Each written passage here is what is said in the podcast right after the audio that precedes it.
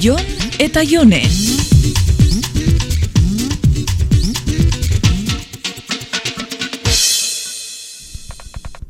Hau paion, gero basoiaz igerilekura, Mm, Bai, ostian hartuko dugu kafe bat, bale, gauerako planik, ondiokan ez dakit. Gero eingo berba.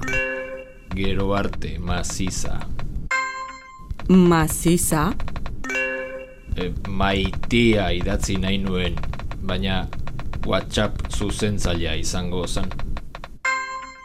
ja, ja, ja, ezaitxe oin konpontzen alegin du, troglodita. Jarraitzen dozu goizetan irrati novela hori entzutzen? Bueno, eunero ez, baina harrapatzen dudanean bai entzuten dut. bai. Ba, oso gauza kuriosua gertau jata etxian irrati novela horrekin.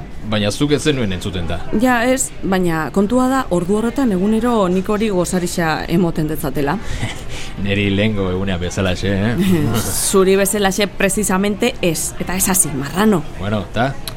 Ba, jakina, bueno, zuk ez dakizu, baina egunero ume bateri, niko bezala neko txarto jaten daben ume bateri gozaltzen emotia Vietnam txiki bat da. Bueno, normala da, aurre gaizki jatea, ezta? Bai, bai.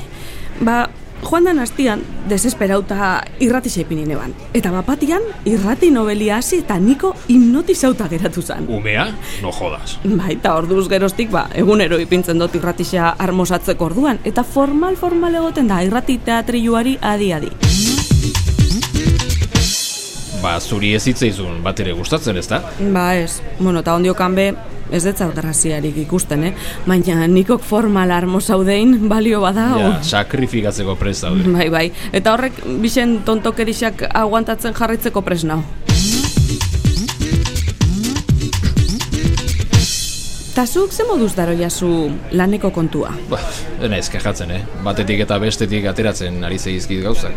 Ja, Oentxe beste iragarki baten grabaketarekin gabiltza. Eh? Autonomo itxeko papelekin laguntzia barbadozu, badakizu, eh? Lasai, e, pare bat txorra da falta zaizkit. Bakizu, hainbeste urte kanpoan, eta paperak ezin topatu nabil, gauza asko falta ditut, eta... Kontau detzut inoiz niko iragarki baten urten zala? Ez, ba, isa isa jaixo barri hilabete gitxi zitsuanean, Oskarren ama ez dakiz zelan entera usan, ume jaixo barrixen bat e, bihar zebela iragarki baterako, ja, eta e, ez zeon bere biloba baino guapo horik.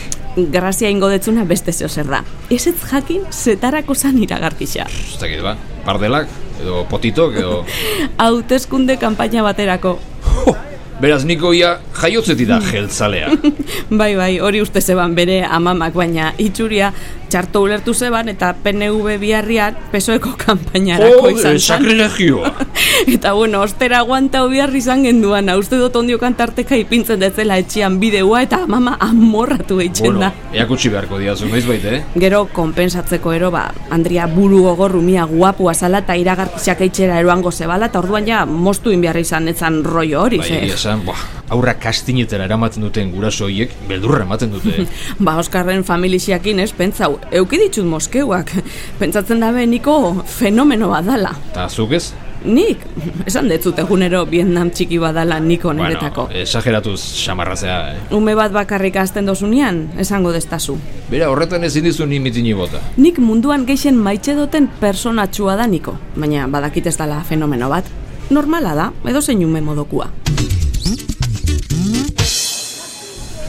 Bixar ze ordutan geratuko gara. Bihar? Zutegi, ba, hitz egingo deu.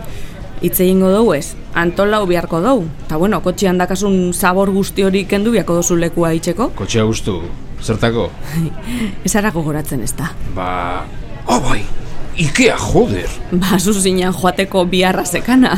Ta, igual beste baterako utziko bagenu? Beste baterako, Jon, nik honezkero katalogua errepasau, neurrisak hartu eta bihar ditxura zen gauzen zerrendia indot. Eta gainera niko bale, beraitzakin... bale. Bi- Bihar ikeara. Jon eta Jone.